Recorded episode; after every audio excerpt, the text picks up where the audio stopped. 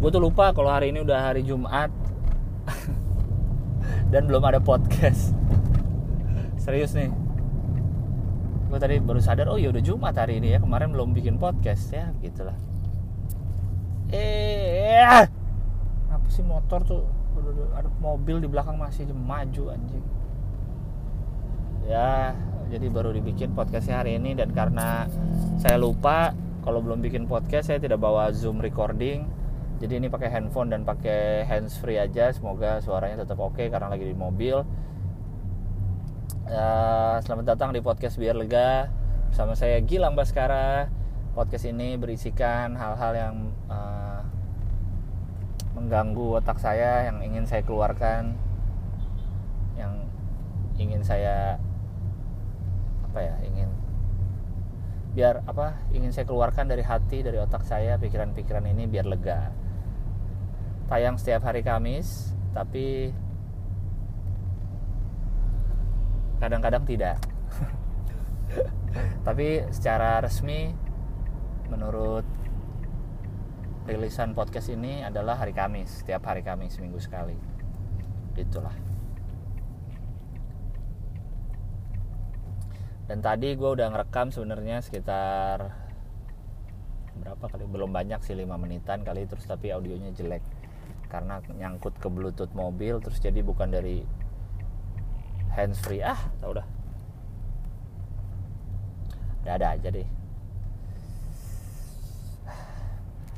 Gue ingin mengucapkan ini dulu turut uh, bela sungkawa atas musibah yang terjadi pada Sriwijaya Air di awal tahun ini. Doa gue buat keluarga-keluarga yang ditinggalkan sanak saudara diberi kekuatan diberi kesabaran uh, sampai akhirnya bisa bisa tenang lagi gitu bisa menjalani hidup lagi seperti biasa. Semoga ada kekuatan itu untuk jalanin hidup pasca ditinggal rekan-rekan dan kerabat-kerabatnya.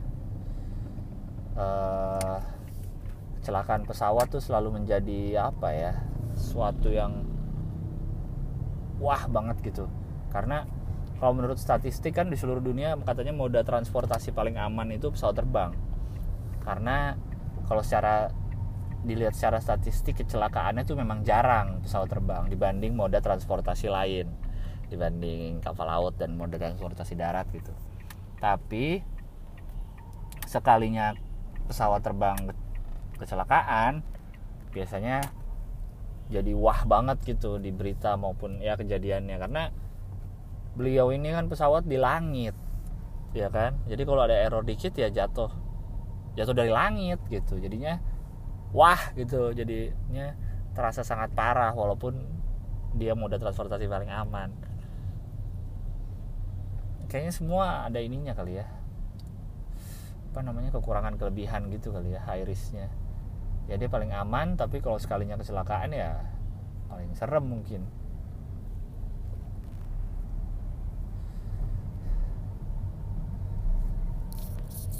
Karena apa ya kalau gue lihat selama ini? Kecelakaan pesawat tuh biasanya jadi uh, apa namanya paling apa ya paling menarik perhatian orang lah. Karena gini lu lihat setiap hari pasti lu lihat berita ada kecelakaan mobil kecelakaan di tol entah kecelakaan motor eh, apa namanya kecelakaan bis. Kadang ada yang ringan kadang ada yang sampai ada yang meninggal juga. Dan kita tuh biasa ngeliat berita kayak gitu. Jadi kita udah kayak nggak nggak aneh lagi gitu kalau ngeliat kecelakaan di jalan raya di darat gitu mungkin kayak waktu itu pernah ada bis yang masuk jurang seluruhnya puluhan orang meninggal atau bis yang kebakar puluhan di dalamnya meninggal. Nah itu biasanya baru jadi berita yang wah jadi rame lah semua orang ngomongin segala macam kalau yang sampai parah banget gitu. Tapi kecelakaan-kecelakaan biasa tuh setiap hari terjadi gitu. Kadang luka kadang parah kadang enggak gitu. Cuman kecelakaan itu di jalan raya sering sekali terjadi. Tapi orang lebih karena menganggap itu biasa jadi kayak ya udah aja gitu beda sama pesawat orang menganggap itu spesial gitu kalau ada musibah kecelakaan pesawat. Dan kalau pesawat misalkan terjadi kecelakaan nih kayak kemarin aja biasanya setelahnya orang jadi takut. Gue pribadi pun kadang jadi aduh kepikiran aduh kalau mau naik pesawat jadi serem ya kayak gitu. Naik pesawat jadi serem apalagi naik pesawat dengan si maskapai yang habis kecelakaan misalnya kayak kemarin karena kasusnya yang kemarin Sriwijaya orang jadi lu takut ya jadi takut naik Sriwijaya gitu. Biasanya kayak gitu orang.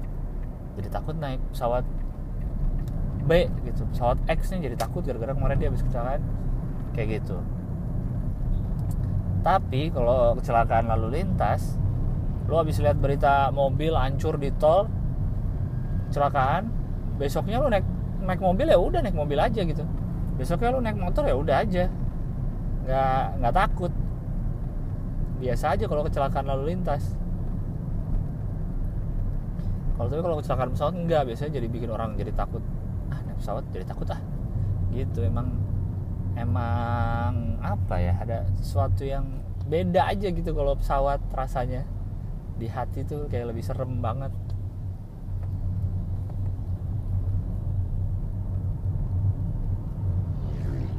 Jadi jadi apa pun sih kalau menurut gue lu naik apa pun eh, jalan kaki pun naik sepeda apa banyak doa sih. Banyak doa selain itu adalah hati-hati. Paling nggak kitanya sudah hati-hati. Walaupun kalau lu sering nonton akun-akun dashcam owners di Instagram tuh kadang orang yang hati-hati malah ditabrak sama orang yang begajulan di jalan. Tapi ya bukan berarti kita harus jadi begajulan juga dong ya udah aja kita tetap hati-hati kalau menurut gua gitu. Paling nggak kitanya udah hati-hati. Kita kontrol yang bisa kita kontrol yaitu diri kita sendiri. Kalau orang lainnya tidak hati-hati apa maksudnya? Misalnya sembrono di jalan plus kitanya juga sembrono di jalan bisa saling ketemu tuh. Malah mungkin akan lebih parah yang terjadi. Atau kita yang begajulan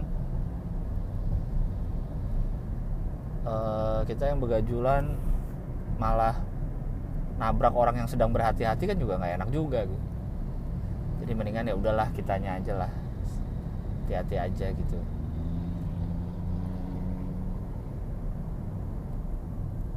Kalau bisa jangan jangan membahayakan diri sendiri apalagi bahayain orang lain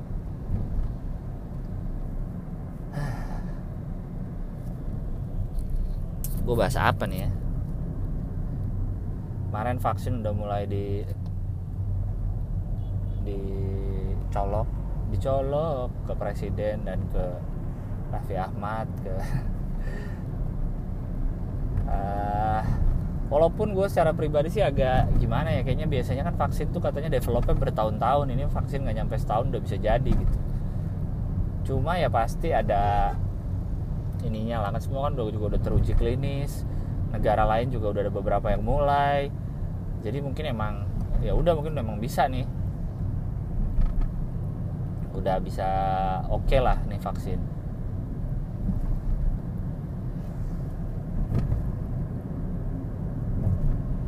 Ya gimana ya? Kita harus pilih-pilih sih mana yang mau kita percaya atau tidak percayai dari negeri ini kalung corona jelas nggak usah dipercayain.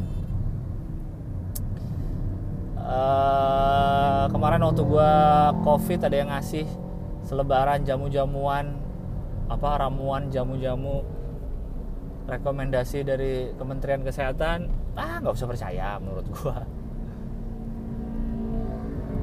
cara negara ini ngelola pajak aka duit kita eh pengennya nggak percaya sih cuman ya gimana lagi lah udah tinggal di sini. Gue kalau bisa pindah negara mau pindah. Nggak ada yang bercanda. Aku tidak mau pindah dari negara yang sangat indah pemerintahannya ini. Uh, dan jelek alamnya. Kalau vaksin menurut gue gue gue lebih setuju vaksin itu disosialisasikan dan dijadikan hak jadi masyarakat berhak mendapat vaksin. Tapi kalau vaksin wajib nggak tahu sih gue kalau yang corona. Kayaknya kalau yang eh, kayak waktu kita kecil tuh campak eh, agar apa sih vaksin-vaksin untuk kita kecil tuh agar nggak apa aja sih vaksin tuh selain campak aing poho. Gue inget waktu waktu SD ada yang ke sekolah tuh vaksin tuh. Terus gue takut dulu gue takut banget disuntik soalnya.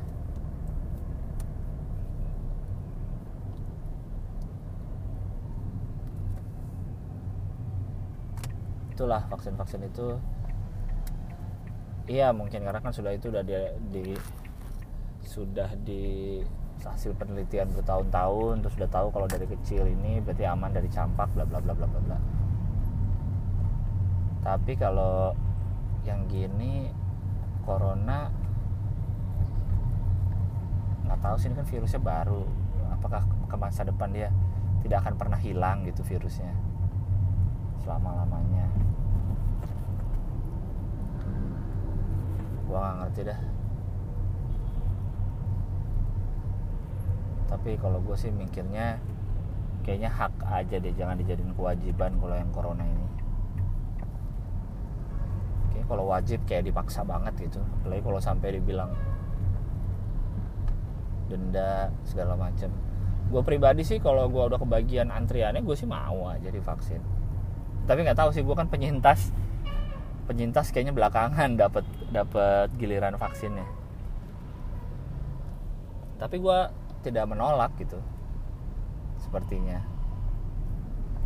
Mau dibilang ada chipnya ada apa udahlah. Mau gimana lagi? Kalaupun emang ada chip ya ya udahlah. Gue dikontrol sama Microsoft ya emang udah hidup gue dikontrol sama Microsoft dan teman-temannya nggak mau gimana lagi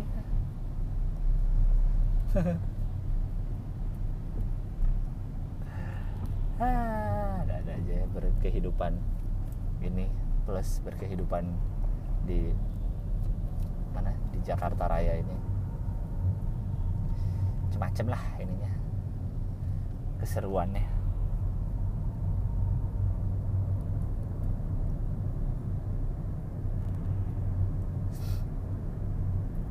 Karena emang juga sekarang ini kan PSBB lagi Jawa Bali eh Jawa Bali apa seluruh Indonesia ya? Jawa Bali kali ya. Disebutnya juga PPKM beda lagi. Pembatasan apa gitu? Pembatasan apa? Ah banyak banget ini apa namanya? Banyak banget. Singkatan negara nih hobi bener bikin-bikin singkatan segala macam.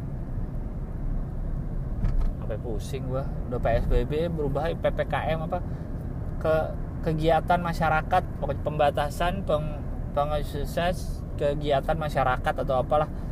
Udah lah nggak penting istilahnya nih yang penting penegakan. Menurut gue semua gue kayak juga pernah ngomong sih di podcast ini. Semua mau soal iya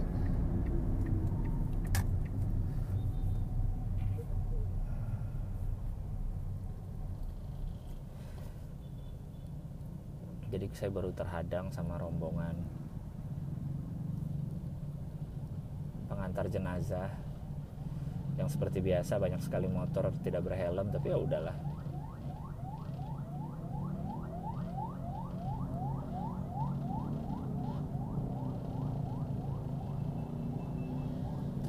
mamane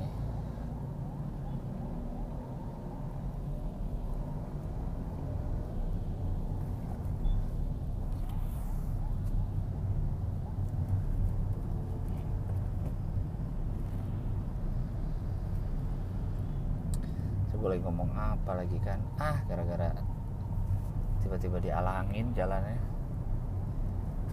Poho aing. Btw ini gue baru pakai mobil gue lagi yang biasa. Setelah kemarin ditabrak motor baru ben, baru bener dari bengkel body. Aduh jadi cakep banget dah. Senang sekali saya ini. Padahal mobil gue kembali seperti semula. Bukan habis dimodif gitu atau apa cuma gue seneng aja nih gue berusaha mensyukuri hal-hal kecil yang terjadi dalam hidup ini.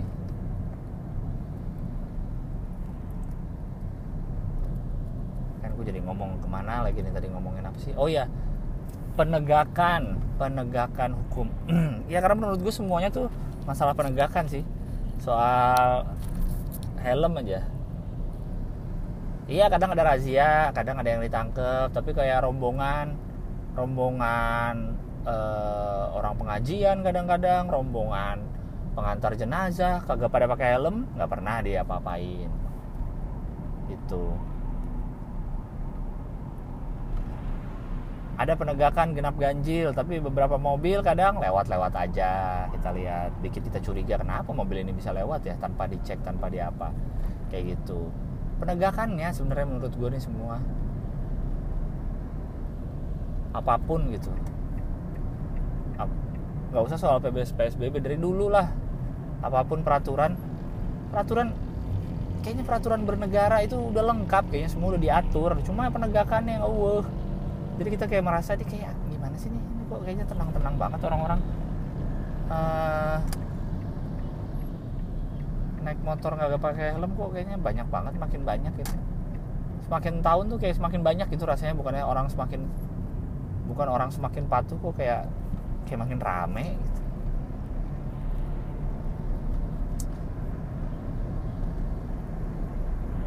jalur sepeda dibikin tapi ya gitulah. Kadang lewat jalan jelek ada yang kendaraan bermotor lewatin situ juga nggak apa-apa. Coba lu masuk tol kalau di ya daerah Jabodetabek lah ya atau ke Bandung yang gue lihat. Bis kadang suka di kanan nggak kadang sering bis suka di kanan. Tidak ada yang menindak. Truk suka di tengah bikin aduh lama. Truk overload tuh di ininya pick up kecil tapi bawa gede banget ke belakang. Santai. Kadang-kadang aja kalau ada polisi baru ditilang. Maksudnya kesadaran itu nggak muncul dari orangnya gitu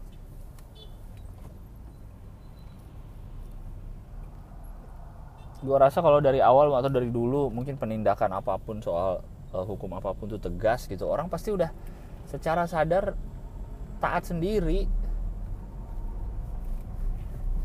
Kayak soal PSBB nih kemarin bilang masih bersyukur negara kita nggak lockdown. Kenapa bersyukur? Orang sekarang kasus makin banyak. Justru bapak-bapak itu yang membuat keputusan kenapa nggak lockdown dari dulu setengah hati gitu karena lockdown kan berarti harus menyediakan makanan apa kehidupan untuk rakyatnya males kayaknya nggak ada budget budget nggak ada budget nggak ada tapi bikin upacara pelepasan vaksin yang di Bio Farma Bandung. Upacara pelepasan vaksin buat apa, anjing? Buat apa pelepasan vaksin diupacarain, dibikin ada protokoler, dibikin orang kerumun, jadinya berkerumun lagi tuh di sana.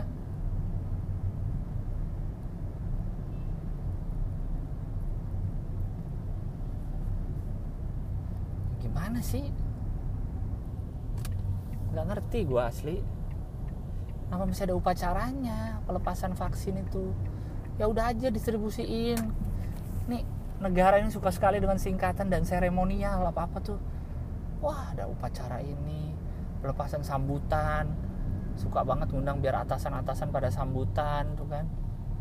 Aduh emang budaya menjilat atasan tuh udah atasan datang telat tetap dihormat-hormatin eh pak silakan pak.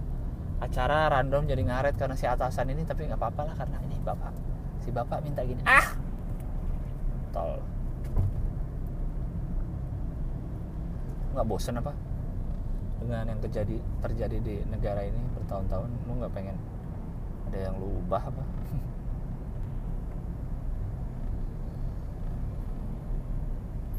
begini gitu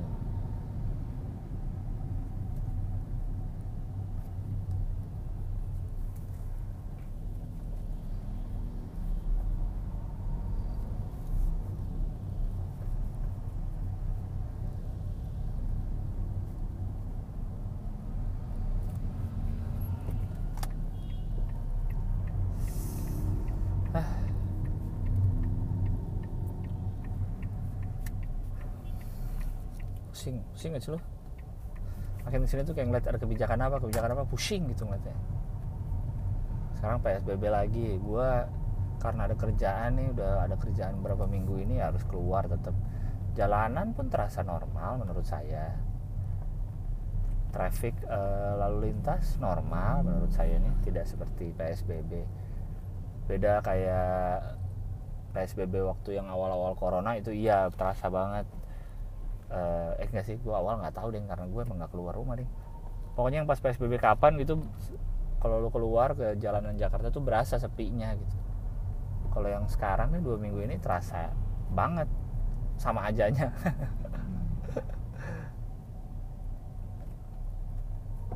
ya nggak tau lah. Lu mau nyalahin kesadaran masyarakat? Boleh kalau emang mungkin bisa dibilang masyarakat kita kurang sadar gitu kurang inisiatif sendiri. Tapi kalau lihat penegakan hukumnya begitu juga ya bisa juga dong disalahin. Emang ini kombinasi maut emang Indonesia ini.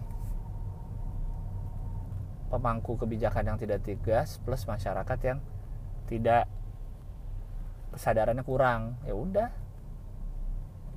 Welcome to our country. Tapi gue udah mau sampai nih baru berapa? 21 menit. Udah lah lumayan lah. Ntar lah gue lanjut lagi ya. Terima kasih sudah mendengarkan ini. Tahap pertama nanti saya lanjut lagi. Bye. Gak tau gue pen Ketawa Rekaman yang sebelum ini kalian dengar aja tuh Bahkan gue rekam Untuk episode minggu lalu harusnya kan? Dan sekarang aja udah minggu depannya ini hari Sabtu gue merekam tanggal 23 Januari yang harusnya untuk tayang hari Kamis tanggal 20 aduh kacau banget gue gimana sih ini punya podcast? Nggak niat nggak niat. Ya dan gue merekam lagi pakai HP biar langsung cepet di upload terus sekarang gue sudah ada memulai sebuah proyekan yang mengharuskan gue berada di Anyer di luar kota selama kurang lebih satu bulan ke depan. Ya ada pulang-pulang ke Jakarta sih. Cuma di Jakarta aja terus uh, tayangnya nggak ini tayangnya nggak rajin. Apalagi gue ada kerjaan keluar kota gini. Sorry dong. Gue bahkan lupa loh yang rekaman sebelum ini nih. Yang di episode yang sama dengan yang ini gue bahas apa sampai lupa gue saking udah cukup lama aduh kacau nih podcast nih yuk ah rajin yuk yuk yuk yuk rajin rajin rajin rajin. Uh, harusnya gue baca email ya cuman kayaknya udah harusnya udah ada bahasan baru lagi di minggu ini. Aduh. Bisa aja deh gue tadi gue pengen ngomong apa ya? Udah banyak lagi yang terjadi di minggu ini ya.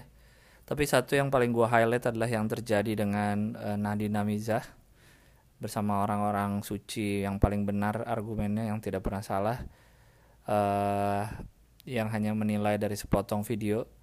Semoga orang-orang yang marah dengan potongan omongan Nadine Amizah itu bukan bukan orang-orang yang marah bukan orang yang sama dengan orang-orang yang marah saat Ahok di di dirundung juga karena sepotong video sama-sama potongan video soal ini dua-duanya nih. Semoga bukan orang yang sama ya. Pas Ahok belain pas ini malah marah.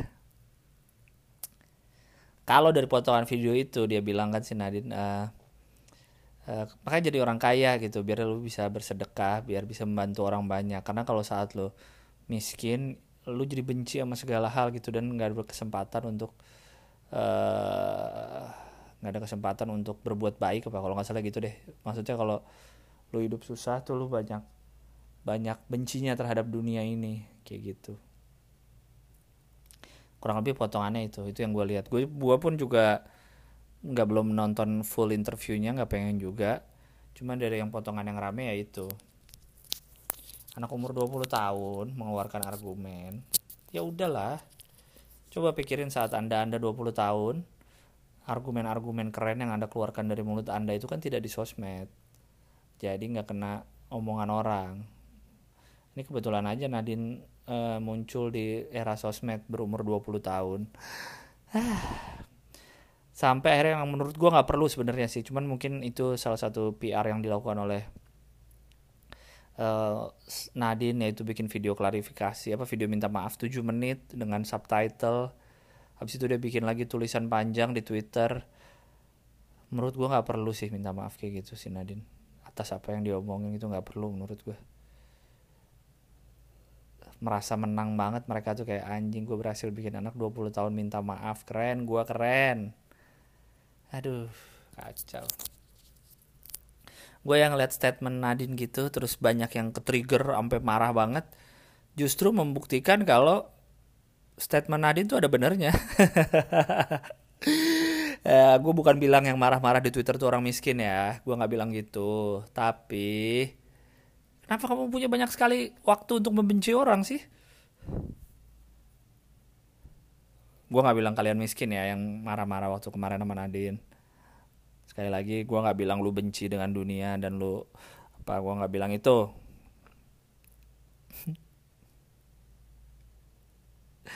Aduh, udah gue mau baca email aja untuk episode minggu ini. Singkase kose, sene senorita. Emailnya bisa dikirimkan ke podcast podcast biar lega at gmail.com.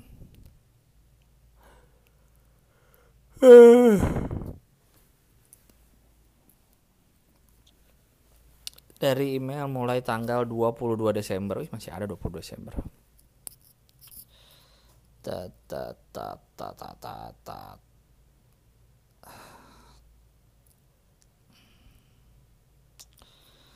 Uh, halo lagi bang, oh nih udah ngirim email berapa kali.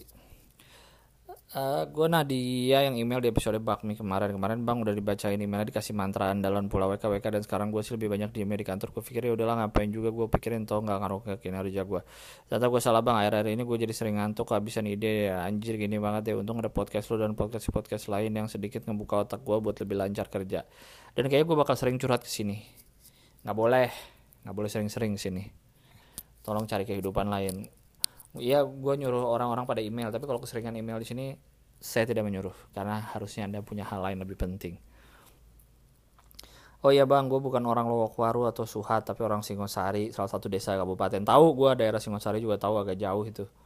Sini ada bakso yang terkenal namanya bakso sumsum Cak Hadi. Wow, bakso sumsum. Lagi di Malang nyoba mampir sini ya, cobain sensasi nyeruput sumsum sini. Doa doaku apa pun yang terbaik untukmu bang. Nggak mau ah Singosari jauh Jangan dibaca namanya ya bang, oke. Aku pengen cerita kekesalanku pada salah satu suster bang. Suster apa nih? Gereja apa rumah sakit? Jadi ceritanya adik aku dirawat di RS setelah tiga hari. Dan pas mau pulang, dicek dulu sama dokter. Terus si suster nyeletuk gini, Bu, ibu sadar gak sih anak ibu ada kelainan? Lihat kepalanya gede kayak kena penyakit. Terus lihat perutnya besar kayak orang kurang gizi Kesel gak sih bang? Andai aku ada di situ pengen ngegeplak mulutnya. Kita yang capek kurang tidur malah diomongin gitu bikin nambah drop. Gak sopan banget sumpah padahal gaji dari uang kita juga. Menurut Bang Gilbas gimana seandainya abang diomongin gitu? Makasih Bang Gilbas, sehat selalu. Tapi adik kamu memang ada penyakit atau apa nggak?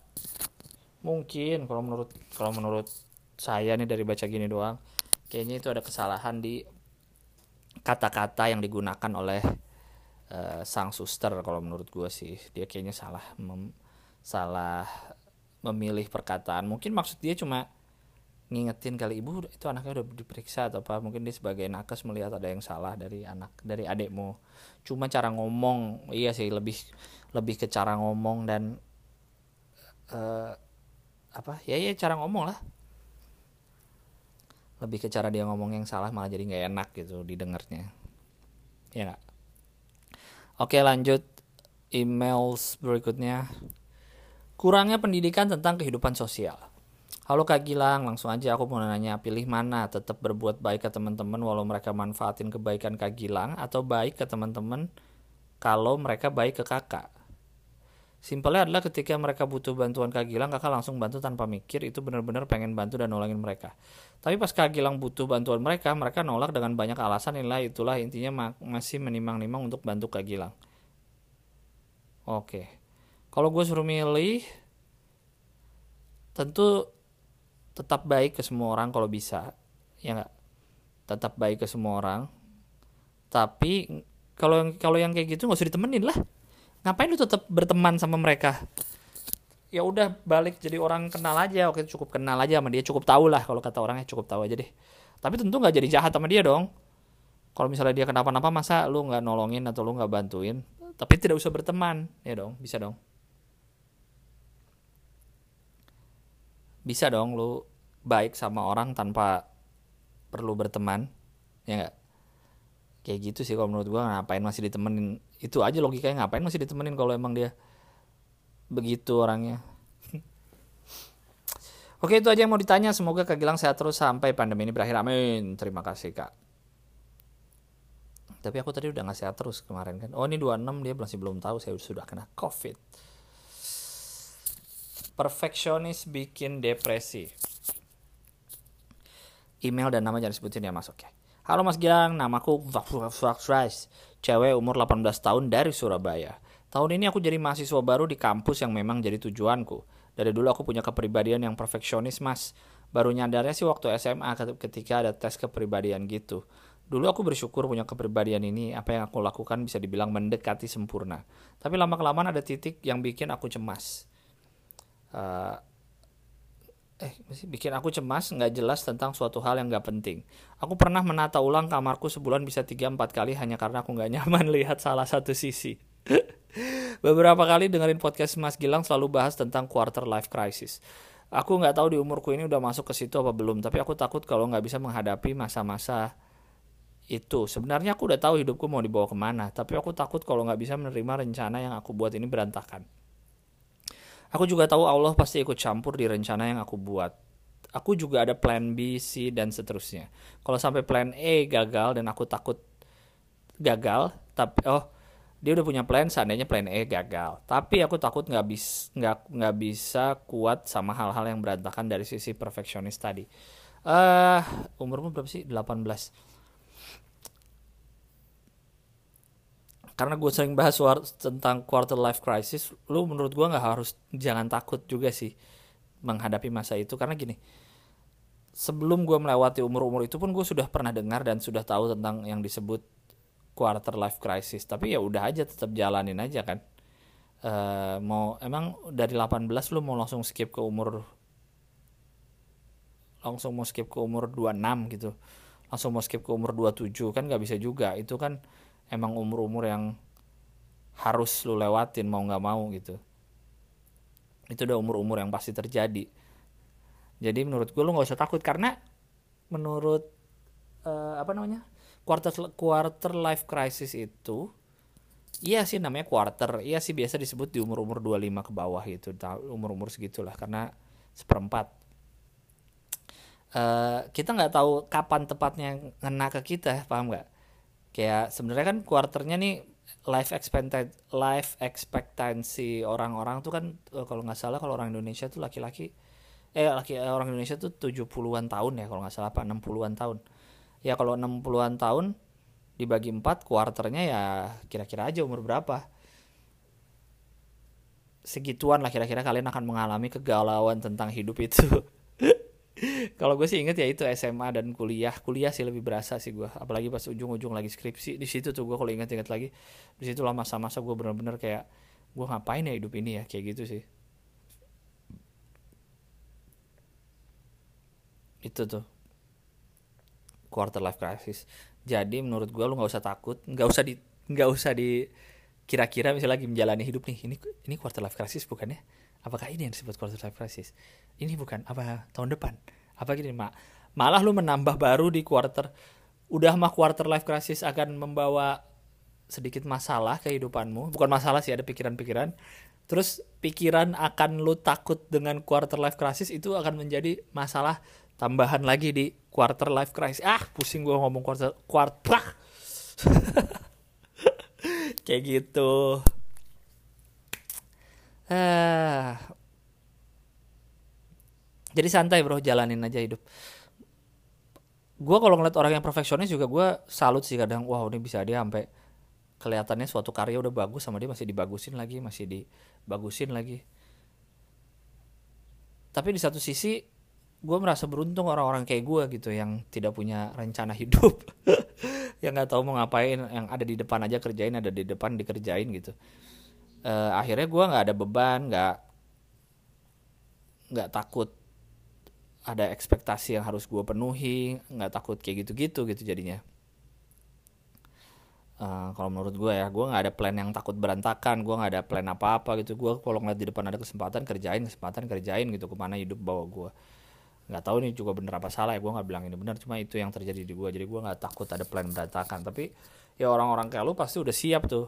Yang kerennya gue juga suka salut sih sama orang-orang yang dari kuliah semester 1 tuh udah tahu gedenya mau jadi apa. Anjing keren banget orang-orang kayak gitu kok bisa ya? Uh, mungkin lu ini juga kali apa sih sebutannya yang orang nggak kalau lu bilang sampai sebulan ganti ganti-ganti itu kamar uh, apa sih istilahnya tuh? Yang suka rapi-rapi terus. Uh, eh, ADHD bukan ADHD ah itulah lupa gue apa gue jadi pusing sendiri mikirin ini aja udah pusing mikirin podcast sendiri gue telat mulu. Oh maaf mas kalau kebanyakan kalaupun gak ada dikasih saran juga nggak apa-apa. Cerita di sini biar lega. Alhamdulillah bisa ngurangin sedikit pikiranku. Terima kasih mas semoga sehat selalu ini gue lagi bang, jangan bacain alamat email. Oke. Wow panjang. Halo bang, gue sebenarnya kemarin tuh mau wawancara bang Gilang buat karya tulis ilmiah di kampus soal uh, soal pengaruh keterbukaan anonim terhadap kesehatan mental pendengar podcast biar lega anjing. Pahit lo bikin karya tulis tentang ini tapi karena undangan wawancaranya mepet gue kirim ke Bang Gilang jadi gue unsend DM Instagram. Bang maksud udah balas email kemarin intinya sekarang gue udah ngubur mimpi jadi komik karena lo bener gak semua orang bisa jadi apa pun. Gue demotivator emang gue Betul gue juga baru ingat ada komik cewek keren namanya Priska Baru Segu Orangnya welcome banget bang sama dia. Apalagi penikmat of air. Uh, gue senang ternyata jadi komik cewek gak seserem yang gue duga. Udah gue jadi budak korporat aja Soalnya benar kata abang di podcast episode 1 Stand up itu gak cuma soal teknik. Meanwhile gue mager open mic. Jadi mau jadi apa gue percuma belajar teknik dari SMP Cuma bisa jadi elitis yang bisik-bisik nebak punchline kalau lagi nonton stand up sama temen. Tapi gue emang gitu tahu bang ngeselin gak gue Gak ngeselin sih tapi itu pun yang terjadi sama gue dan komik-komik saat masih baru kali ya saat baru-baru stand up saat baru-baru stand up tuh kalau nonton show stand up jadinya nggak menikmati jadinya malah mikirin anjing punchline-nya ke sini aduh ini kayaknya bakal callback nih. Wah ini rule of three ya. Wah, wah itu nggak enak tuh. Mungkin kayak sutradara nonton film kali ya jadi banyak hal teknis yang dipikirin. Tapi makin ke sini udah udah biasa nonton gue udah tahu paling kadang mengagumi cara dia nulis materi ngagumin kerapihan setlistnya tapi udah nggak terlalu teknis mikirin aduh punchline kok ke sini ke sini alah capek. Orang pengen nikmatin show kok Bang, uh, Bang gue mau nanya pendapat abang soal idola. Ini pernah dibahas juga sama Bang Rian, eh Bang Radit ketika dia ngobrol sama Bang Rian. Bahwa artis sudah mati ketika dia punya karya. Masalahnya sejak gue ngelihat problematika yang diciptakan sama Hindia dan Terelie, gue jadi bingung. Orang problematik itu bisa didukung nggak ya karyanya? Menurut lo gimana bang? Artis udah mati ketika dia udah punya karya. Nggak tahu dah orang politik bisa didukung nggak? Ya bisa. Sekarang lu penganut mana nih? Karya sama orangnya dipisah apa karya sama orangnya digabung gitu. Kan ada orang yang misalnya karyanya bagus nih, tapi kalau orangnya ternyata misalnya ya support LGBT, lu jadi nggak mau dengar karyanya. Padahal karyanya bagus menurut lu. Menurut gue harusnya lu bisa dipisah sih. Kayak gitu-gitu karena banyak sisi gelap dalam tanda petik ya sisi gelap idola-idola lu mungkin yang lu nggak tahu juga gitu kayak katanya kan uh, Walt Disney si orangnya tuh dia nyumbang ke Nazi atau ke mana gitu kan katanya. Nah terus apakah karena itu lo jadi nggak mau nonton Toy Story gitu? Jadi ya sekarang lo pilih aja lo mau pisahkan itu apa enggak uh, lanjut lanjut lanjut lanjut.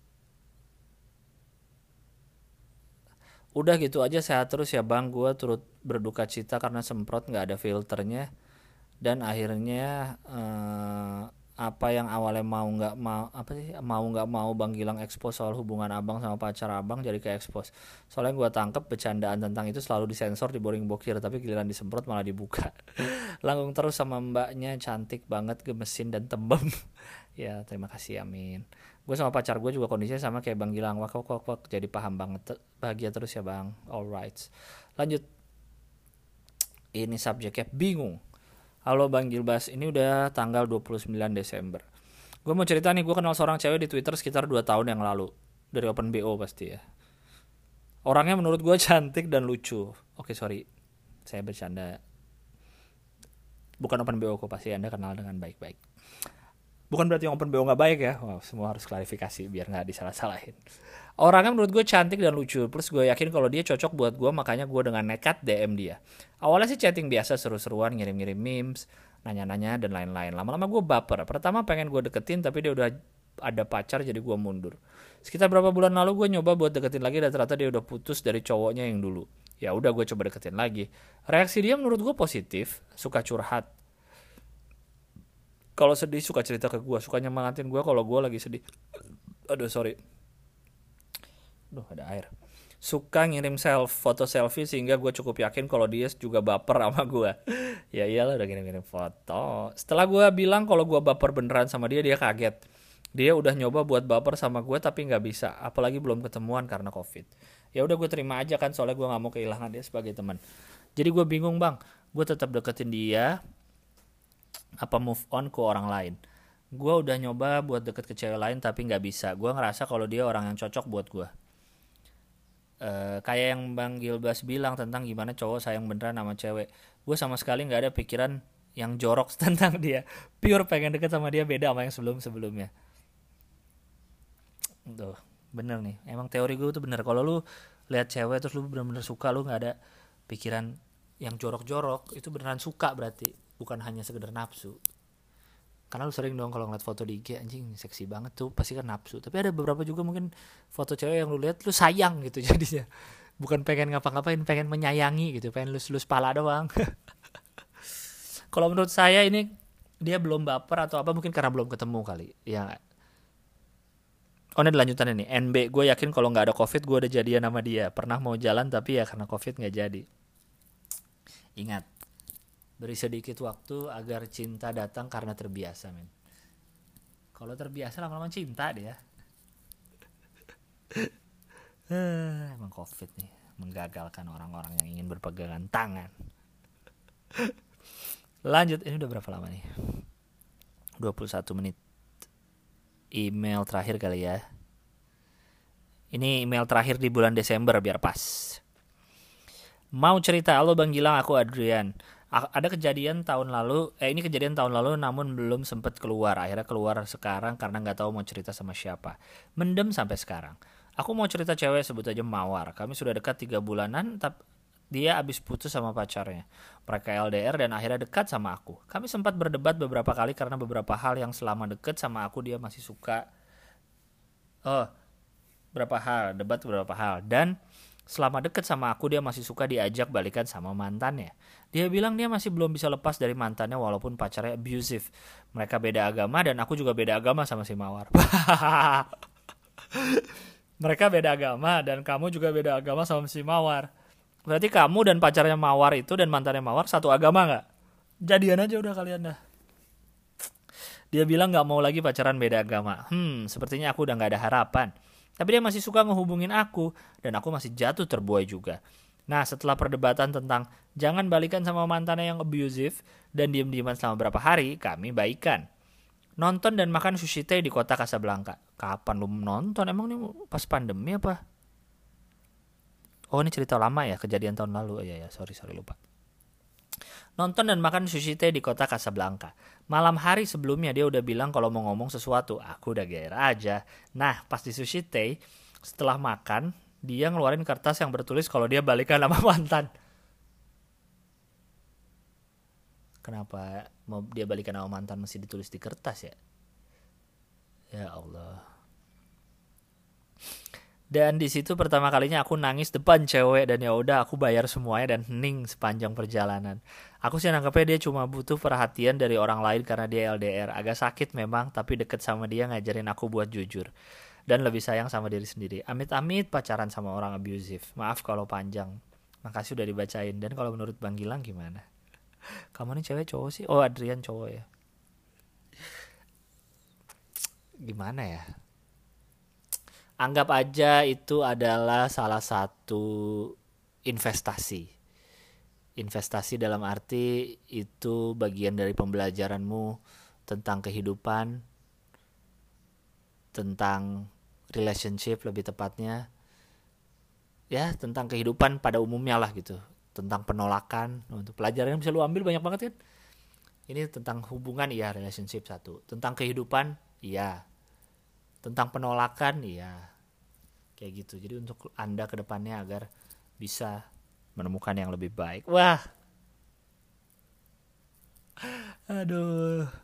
Kocak nih orang-orang.